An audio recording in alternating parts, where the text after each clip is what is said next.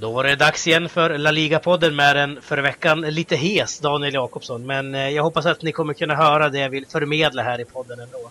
Eh, en som däremot aldrig går hes, det är väl den alltid lika trogna Sam Saidi som vecka efter vecka får njuta av härliga framgångar med sitt Barcelona nu för tiden. Går det att klaga på tillvaron nu Sam?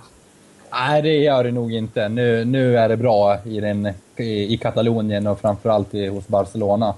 Eh, vi spelar riktigt bra just nu, men vi återkommer väl till det. Mm, och aldrig hes går du heller. Nej, inte, det var länge sedan. ja, härligt. Med oss den här veckan har vi ingen mindre än Nina Ljung Fredman som en gång i tiden utgjorde Radio La Liga med bland annat mig själv faktiskt. Och som är en stor fanatiker av, fanatiker, ska jag säga, av Real Zaragoza. Hur är allt med dig Nina? Jo då, det är inte allt för illa. Huvudet upp och fötterna ner. Ja, precis som det ska vara. Ja. Eh, berätta lite kort eh, varför du håller på just eh, Real Zaragoza av alla lag. Jag gillar ju dåliga lag. Okej, okay, det är så enkelt. Ja, ja, jag håller på Sylvia också här så i Sverige så... Aj, ja det är tungt. Ja. Är ni bäst i stan nu då?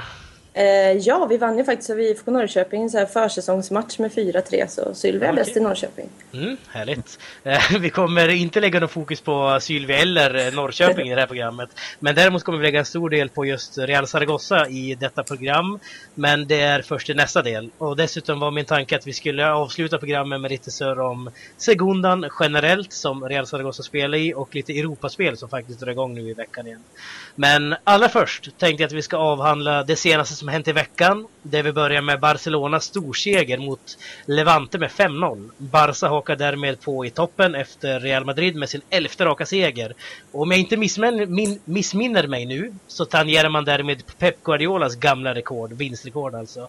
Hur kommer det sig att Barcelona går så pass bra nu Sam? Eh, ja, det är många faktorer. Det, det känns som att det hela vände lite efter den här Real Sociedad-matchen där Eh, och med allt liksom skit som har varit runt klubben eh, på presidentnivå också, lite bakom kulisserna. Eh, och man, brukar, man, började prata om att Barcelona är i en liten kris, och det är man fortfarande. Det får man inte komma, komma ifrån. Men inte spelmässigt på planen så har det ju skett någonting. Luis Enrique har ju börjat spela med mer... Han har börjat använda sig av samma elva lite mer och mer, spela ihop en liksom startelva. Och det har gett resultat. Och eh, jag skulle framförallt säga att det är många spelare som har vaknat, kollektivet har vaknat och det är, det är skitkul att se som en Barcelona-supporter. Det var länge sedan man såg en sån glädje framförallt. Du borde ja. ju alltså egentligen vara jättehes. Du sa riket mycket.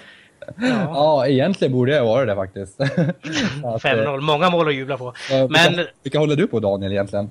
Jag? Ja, det, där får man inte skrika lika mycket med Deportivo. Men, man får skrika av en annan anledning. Precis, men det är en helt annan historia. men hur bra tycker du Nina att Barcelona är just nu? Är man en titelkandidat? Det är väl Barcelona i och för sig alltid, vilket kanske är det, jag vet inte, tråkiga om jag får säga så med den klubben. Mm. Ehm, utveckla.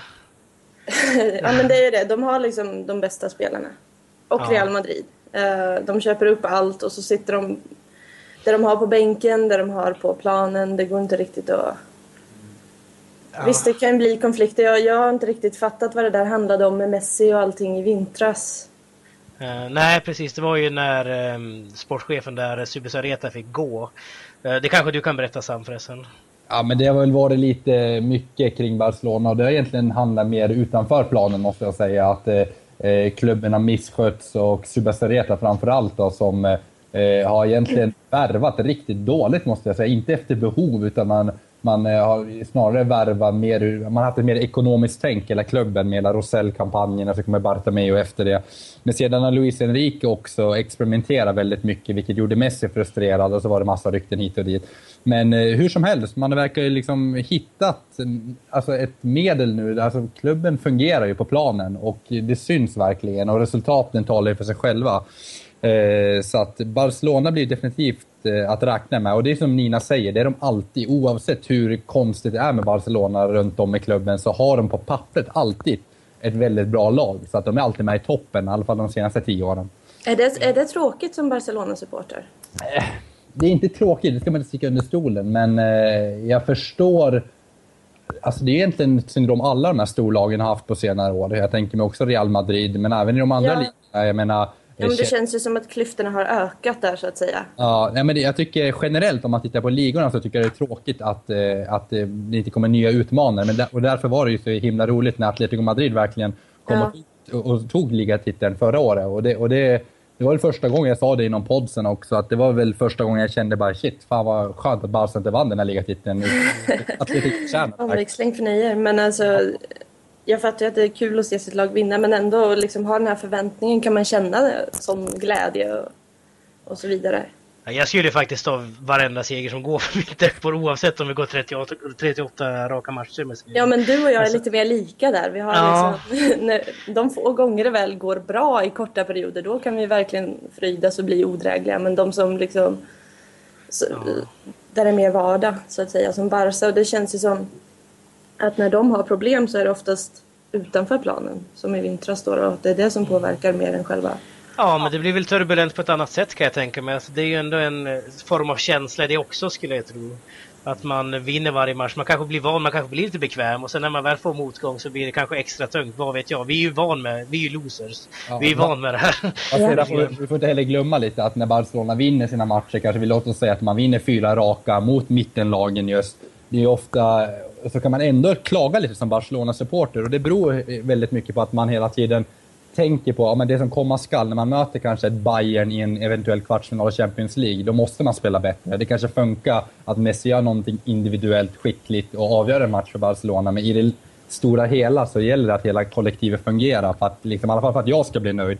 Och sen den här biten utanför planen, det handlar ju väldigt mycket om att oavsett vilket resultat man uppnår, om man vinner eller förlorar, så spelar det ingen roll så länge klubben missköts. Att man exempelvis säljer ut klubben, man säljer identiteten, själen, allt med Qatar på tröjorna och så vidare. Liksom det, Ja, det gör ont oavsett resultat.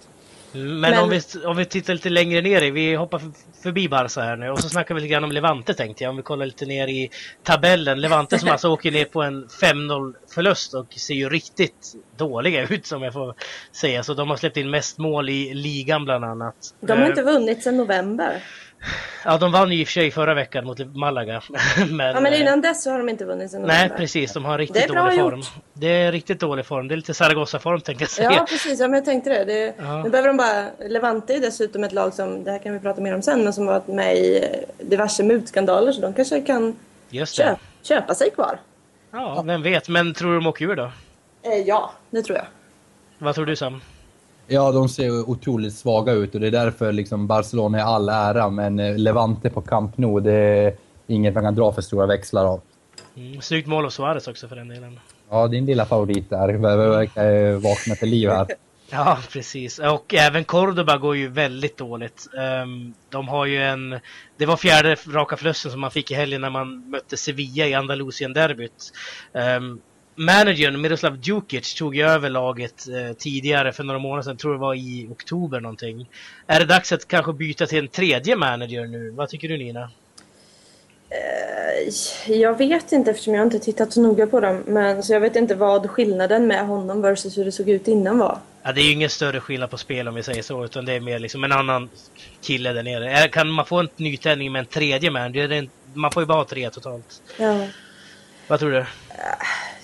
Ja kanske. Det har ju funkat för Zaragoza förr så jag vet inte. Ja. ja, det har ju gått bra med Guy och alla. Men eh, vad tycker du då Sam? Vad, är det dags att byta för Cordoba?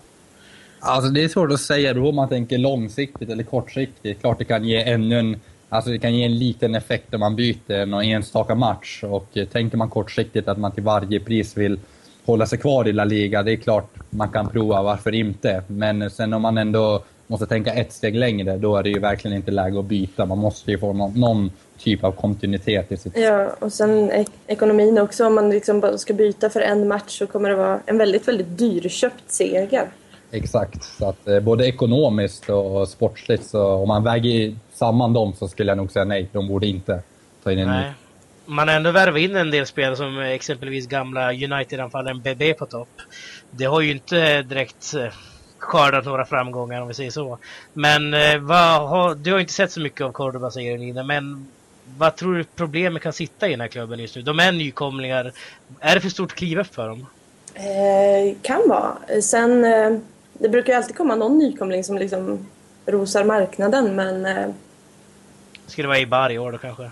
Ja, nej, jag, jag, vet inte. Det kanske är ett för stort kliv eller så är de bara fast i någon ned, alltså nedåtgående spiral. Jag vet inte. Det känns som att det är mycket, ursäkta flummet, men negativ energi där. Ja, absolut. Jag håller du med Sam?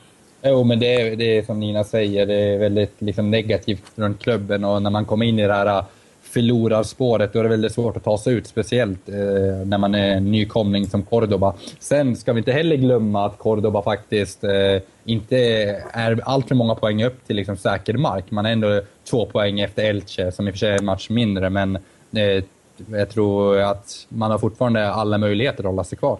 Mm, Elche spelar faktiskt just nu när vi talar och leder med 0-1 bortom ett Eibar, så då vart ju steget ännu högre. För dem. Ja, men eh, vi ska faktiskt eh, sätta stopp för del 1 här och när vi är tillbaka så är vi, är vi tillbaka med lite Real Zaragoza-fokus vill jag säga. Tack!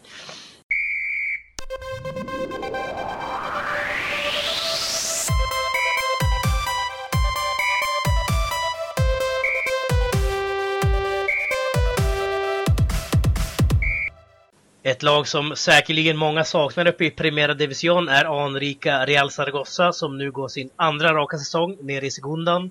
I helgen spelar man 0-0 mot eh, bottenlaget Sabadell på bortaplan.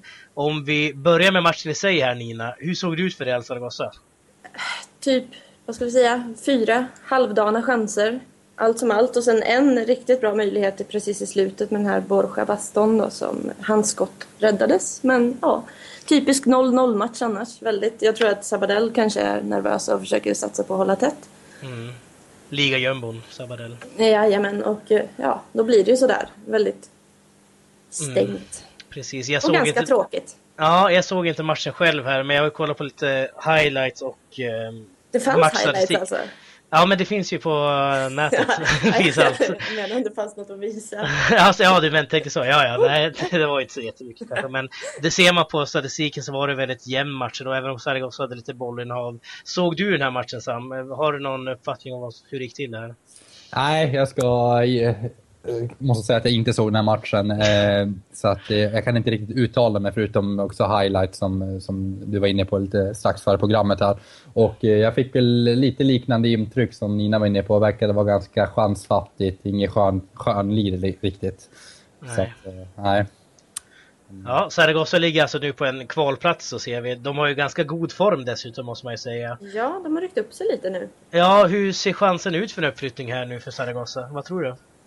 Alltså, i början på säsongen så hade jag sagt nej, men eh, nu, nu ligger de ju på kvalplats och då teoretiskt finns ju möjligheten. Jag vet inte om det är bra för Zaragoza att gå upp än. Mm. Hur tänker eh, du där? Man håller ju på att göra om klubben ganska grundligt sen man sparkade ut den förra styrelsen. Eller det var ju faktiskt Agapito, som den förra presidenten då, och majoritetsaktieägaren framförallt. Han lämnade eh, själv, självmant till mig va? Ja, han gav bort 72 procent av sina aktier till den här fonden då, Fundación Tarragosista 2030 som, eh, som bildades som en slags missnöjesgrupp eh, mot mm. honom. Eh, så efter ett tag, ni kanske kommer ihåg alla de här protesterna som hölls. Eh, Zaragoza åkte runt och fansen åkte runt och protesterade mot honom i två år ungefär och till slut så kapitulerade han. Jag tror att det var lite andra saker vid sidan om också som ökade på den här pressen. Men i och med att, eh, att det här händer så ska, man, ska ju klubben stöpas om i grunden då, då, och då tror jag att det är en ganska bra sak att ligga kvar i Segunda Division kanske mm. ett år till. Men vad är det man bygger, eller vad är det man strukturerar om här nu, förutom det här i styrelserummet då förstås. Eh, man har ändå haft nu, är det två år de har, den här nya styrelsen har haft? Hur mycket tid behöver man nu? De tillträdde ju i somras. Okej. Okay, yeah. Så de har inte haft en riktig säsong på sig. Eh, de vill ju framförallt satsa mer på alltså få tillbaka den här lokala känslan. Eh, så det är ganska mycket egna talanger i, i laget nu som väldigt många okända spelare. Mm. Eh, ska satsa på att bygga upp någonting från grunden som det så fint heter och återskapa den här gamla Zaragoza-känslan som fanns. Lite Aragonian represent. Ja, precis. Mm. -hmm. Men vad, är det, vad, vad, säger du då Sam? Är det realistiskt för Real Zaragoza att tro på en uppflyttning med dagens trupp och dagens lag? Alltså teoretiskt är det ju det och eh, Zaragoza är ju ett lag som framförallt jag vill ha tillbaka i, i Primera. Men däremot så ja, men det gäller att man är redo också. Och jag, jag, det jag fått höra nu av Nina så låter det där nya projektet, om man får säga det så, jättespännande. Och jag tror att man är helt rätt så att det blir, inte blir något nytt Depor vi får se här som kör väldigt kortsiktigt. Som vill låna in spelare och eh, som en jojo mellan eh, Primeran och Segundan här. Utan att man satsar lite långsiktigt, tar in lite eh, egna talanger eh, som eh, exempelvis eh, Vallejo, nära 17-åring, 97 han född om jag kommer ihåg rätt här nu eh, mittbacken som har gjort hela 15 eh, framträdanden. Och så har vi en Baston då, som har varit depp på en sväng va? Eh, ja, han var där förra året och vann skytteligan med 10 baljor. Så bytte han upp sig. Ja, precis. ja, precis. Ja, men en riktig Segunda-spelare verkar det vara som gör sina obligatoriska mål. Har ändå hängt ett par stycken. Så att, eh, jag tycker att eh, kanske Zaragoza mår bra av ett, ett till år Segundan och sen tar man det rejäla klivet året efter. Jag tror också de mår bra av ett till år i Segundan om man lyckas behålla eh, det här laget och satsa på någon slags kontinuitet. Det är ju inte direkt Zaragoza de senaste tio åren liksom. Mm. Det, det, känns som att de påminner lite grann om eh, Celta Vigo, ni minns när de åkte ur. De var ju nere i Segundan i en 3-4 säsonger. När man kom upp, man hade en, ett helt nytt lag. Det var ju, majoriteten var liksom egna spelare. Kolla på dem idag, nu är de ett ganska stabilt Primera Division-lagen. Och, om man jämför nu med Depor så här som vi har gjort, som, de byter ju tränare liksom som jag byter kallingar nästan.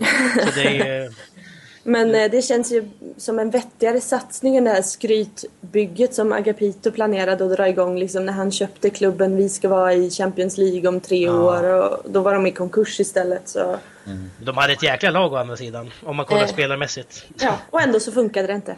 Nej, precis. Vad hade de för lirare? Det var ju Aymar var ju där ett och Diego Milito, Sergio Garcia och David Villa och, ja, och så vidare. Och så vidare. Piqué. Piqué ja. Mm. Men känns det som att man äntligen har hittat någon stabilitet här i Real Zaragoza då, tycker du Nina?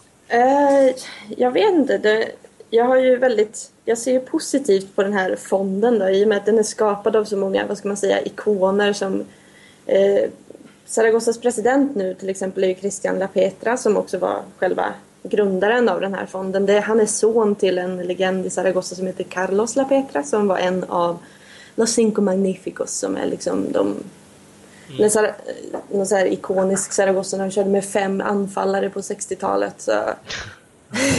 Gamla goda 60-talet. The glory days. Då var ingen av oss födda men vi pratar om det ändå som om vi visste.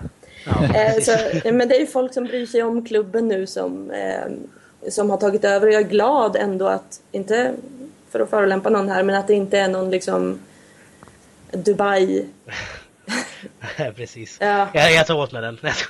Eh, men om vi kollar på managersidan då. Där ja. har vi alltså serben Ranko Popovic. Um, ja. han, har han är väldigt oprövad måste man ju säga. Han är väldigt oprövad utom i Japan för där har han varit runt en hel del vad det verkar. Okej, okay, se där. Han tog ju över nu från Victor Muniz då tidigare under säsongen. Uh, om ja. vi börjar väldigt enkelt, vem är Ranko Popovic? Uh, ja, det undrade jag också när, när vi fick reda på att det skulle bli han.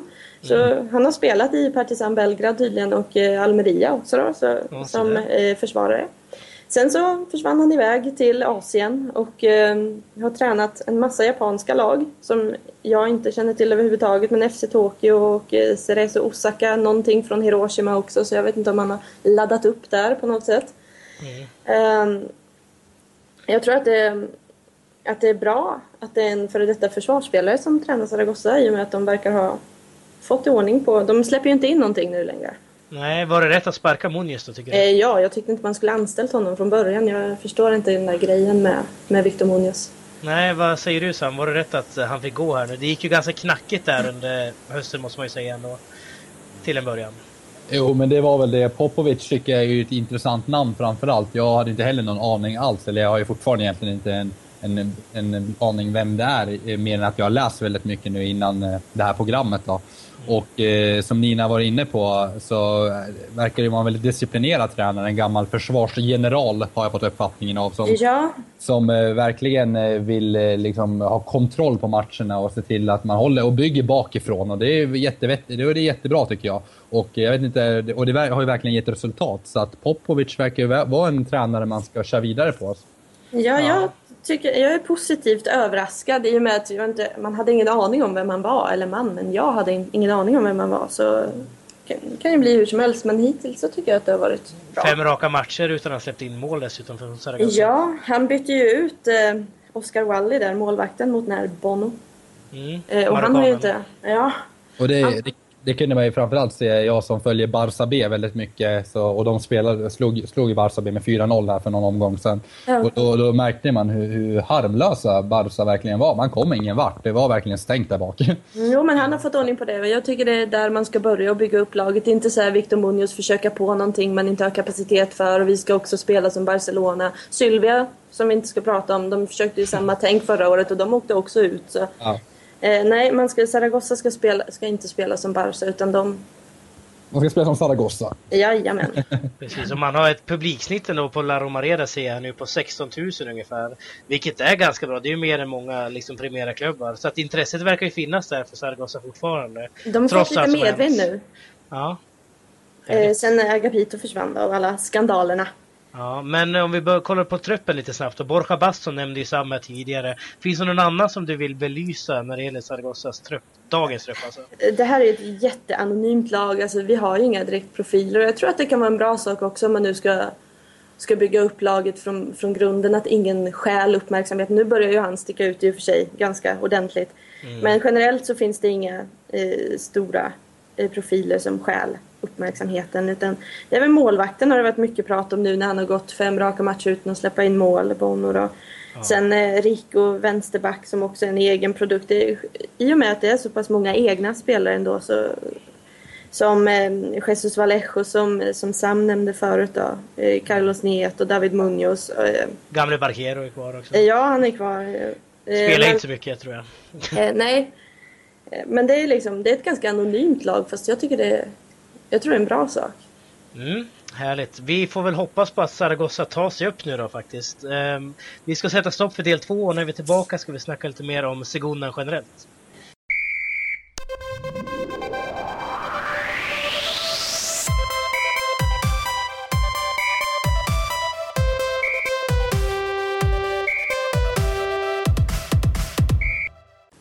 Vi har varit inne på Real Zaragoza en hel del och min tanke med den här sista delen är att vi dels ska prata lite grann om just Gundan fast lite mer generellt. Och sen tänkte jag att vi hoppar över till lite Europasnack som kanske ligger på en helt annan fotbollsnivå om man säger så. Um, ser vi på Segunda den här säsongen så hittar vi Las Palmas, Real Valladolid på toppplatserna som leder till direkt uppflyttning. Um, ha, mer än halva säsongen är spelad dessutom. Um, om du skulle gissa här Nina, om du höftar lite. Vilka tror du tar, i- tar sig upp från Segunda i år?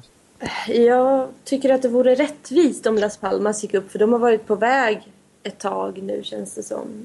Uh, sen, så de, ja, hoppas jag väl på om inte annat. Ja. Jag- jag Vilka hoppas du mer på då? Jag hoppas att Zaragoza inte riktigt kommer upp. Jag vet inte varför men det är som sagt, som vi pratade om innan så tror jag att de behöver ett år till på sig i Segunda Division. Eh, sen Valladolid, mm, bah. Ja. Det är så Precis. jämnt med... alltså, Ja, Valladolid, Girona och Sporting Gijon ligger på samma poäng liksom. Sen Betis två, två bakom så... Ja, det är väldigt jämnt måste man ju säga. Ja. Om jag ställer frågan till dig då Sam här nu. Om vi börjar med vilka tror du går upp och vil- sen vilka hoppas du går upp? Jag tror att det är dags för Las Palmas att ta steget upp, eh, så att eh, det får bli det första laget. Sedan så, ja, den andra direktplatsen är lite svår att säga känner jag, men eh, måste jag välja så tror jag, och hoppas, om jag hoppar, att Real Betis kommer ta den platsen.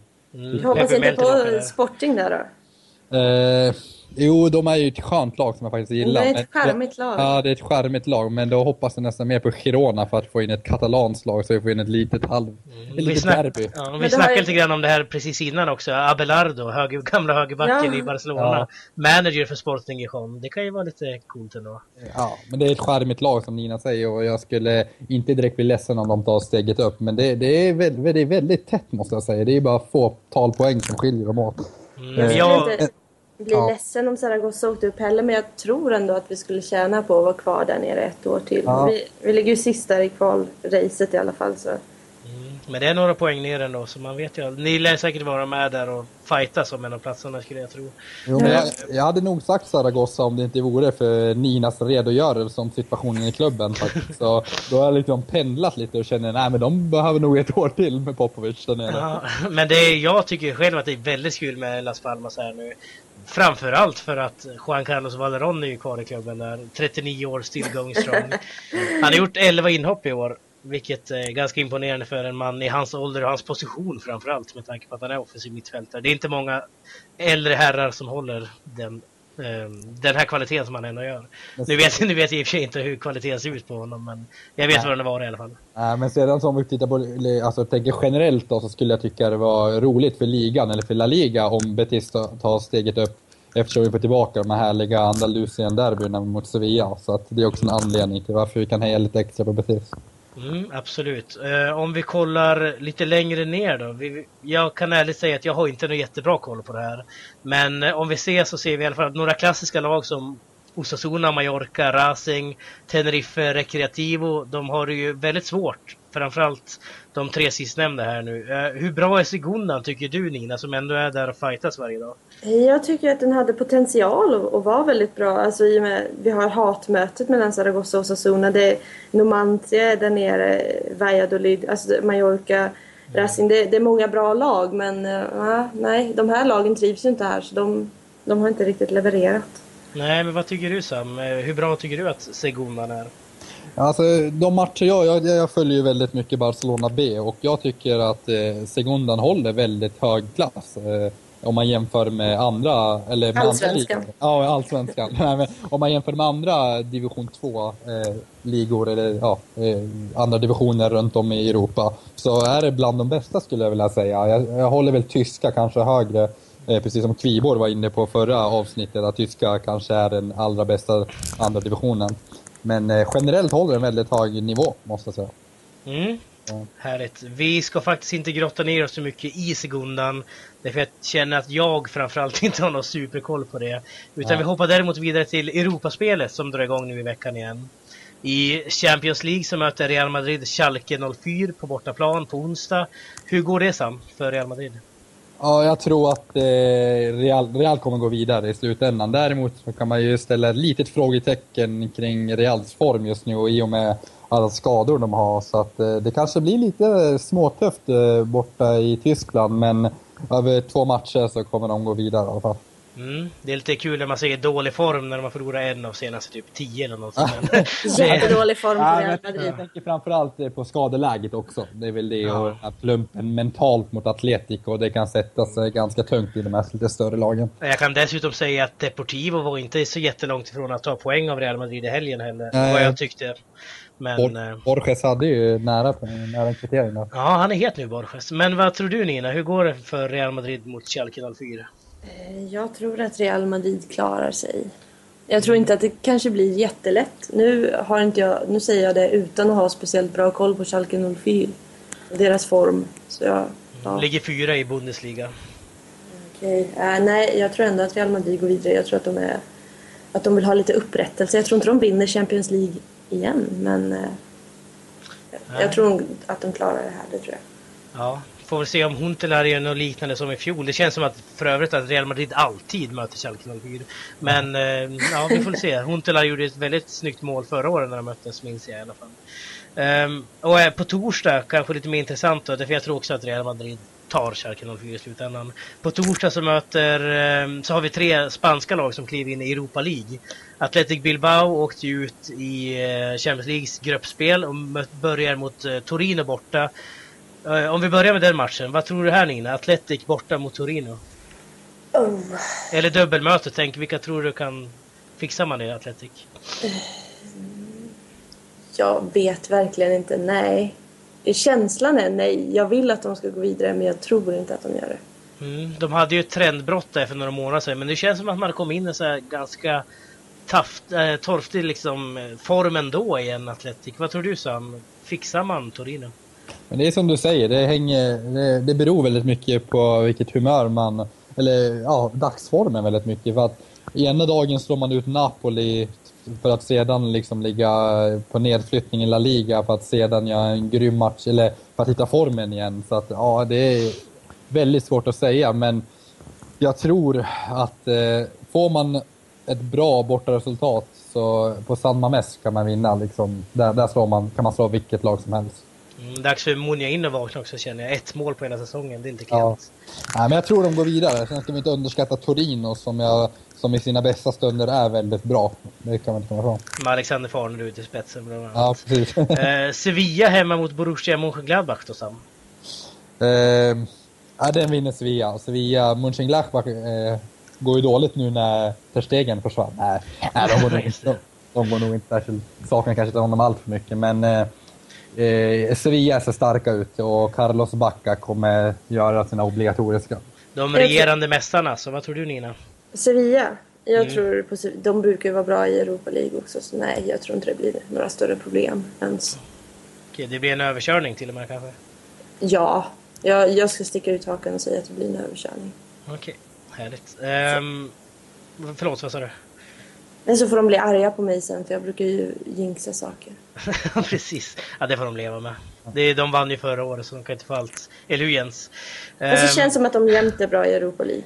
Ja, Ja, de har en tradition av det på senare år. Det kan vi inte... Ja, precis. Ända sen Puerta där. ja, sen Ja. Juan de Ramos-tiden liksom. Ja, senaste tio åren så är de alltid att räkna med det. Mm. Känns som att Men de tar steget upp snart i Champions League. De har hängt kvar lite för länge där. ja, får se. Det är ju ganska tufft att ta den där platsen i år med Valencia, Atletico och allting. Men den tredje matchen då? Villarreal hemma mot Red Bull Salzburg. Det blir en väldigt intressant match. Vad tror du om den Nina? Jag vet absolut ingenting om Red Bull Salzburg, ska jag säga. Okej. Jag vill att, de ska gå, att det ska gå dåligt för dem enbart för att jag tycker att det där namnet är så hemskt och allt det står för. Så jag ska bara önska dem motgångar. Då. Det är inget charmigt namn tycker Nina. Vad tycker du Sam? Nej, det är det ju inte. Vi är väl eh, lite emot de här Red Bull-lagen också. Leipzig i andra ligan i Tyskland är väl emot, eh, gissar jag på. Eh, Ja. Men eh, ja, jag vet inte. Red Bull såg man ju mot Malmö. Sen så har vi ju eh, gamle Soriano tänkte jag säga, som inte är så gammal. En gamla Barca-bekanting som i sina bästa stunder är riktigt, riktigt bra. Eh, en Soriano, eh, om Soriano har en bra dag så kan det bli tufft för Villarreal- som har på en liten nedåt, nedåtgående form. Men eh, över två matcher tror jag ändå Villarreal fixar det här. De bör fixa det om inte annat. Mm, men jag tror han till och med vann eh, alltså Soriano skytteligan i fjol i Europa League med 11 baljor eller liknande. Ja. I år har han gjort 21 mål på 16 matcher i österrikiska ligan, vilket är ganska sjukt. Ja, han är riktigt bra. Jag förstår, eller förstår jag väl jo, med konkurrensen i Barcelona, men jag hade velat sett honom i Barca-tröjan i alla fall nu ett par, flera gånger. Hellre än Äldre, istället för... ja, det är svårt att säga. Han borde fått chansen kanske. Jag tänker om Munir och eh, Sandro Ramirez har fått chansen x antal gånger borde nog Soriano fått det också. Kan fick hoppas att gå det, till Red Bull istället. Ja, precis. får hoppas Eddie Gustafsson vaktar målet nu mot Villarreal. Det skulle vara ganska kul. Bara det. Men eh, nu vart det lite översiktligt snack här. Vi lär säkert återkomma till Europa League och Champions League i kommande program. Men vi har faktiskt nått änden av detta program. Men innan vi avslutar ska Sam presentera veckans lista. Ja, veckans Tokiero. Vi har ju pratat om Celta Vigos dåliga form och den har ju vänt nu. De har ju tre raka eh, utan förlust, varav två vinster och ett oavgjort resultat mot Sociedad också. Så att det, det ser väldigt bra ut inför galiciska derbyt till helgen. Så att Berizzo och Celta Vigo på veckans Tokiero. Det blir en väldigt intressant match måste jag säga. Den måste Ja. alla kolla på på lördag klockan 22. Ehm, veckans Faubert. Veckans Faubert, eh, vad ska man säga, David Moyes har ju, har ju, ja vad ska man säga, hans bortaspel har ju varit under all kritik och därför förtjänar just hans bortaspel, eh, eller hans och Real Sociedads bort- bortaspel förtjänar veckans Faubert. Mm, kan du köpa listan här Nina? Ja, Härligt. Men eh, då tackar jag dig för att du ville vara med denna vecka. tack själv. Och eh, jag hoppas att eh, ni andra är med oss nästa vecka och lyssnar. Och tack till dig också såklart Sam. Ehm, vi hörs allihopa. Hej då! Hej då! Hej då!